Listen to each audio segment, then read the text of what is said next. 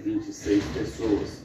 Em um dia, 82.558 novos casos foram. Hoje nós percebemos vários grupos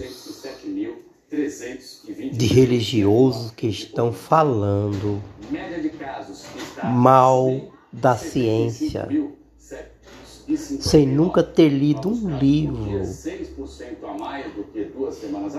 E quando lê, não sabe a diferença do experimento de bancada e um experimento aplicado na realidade. Eles colocam tudo como se fosse a mesma coisa. No mapa, a gente agora acompanha a situação do Brasil todo. O Ceará aparece em cinza, tá vendo aqui comigo? Porque não divulgou números até as 8 da noite, quando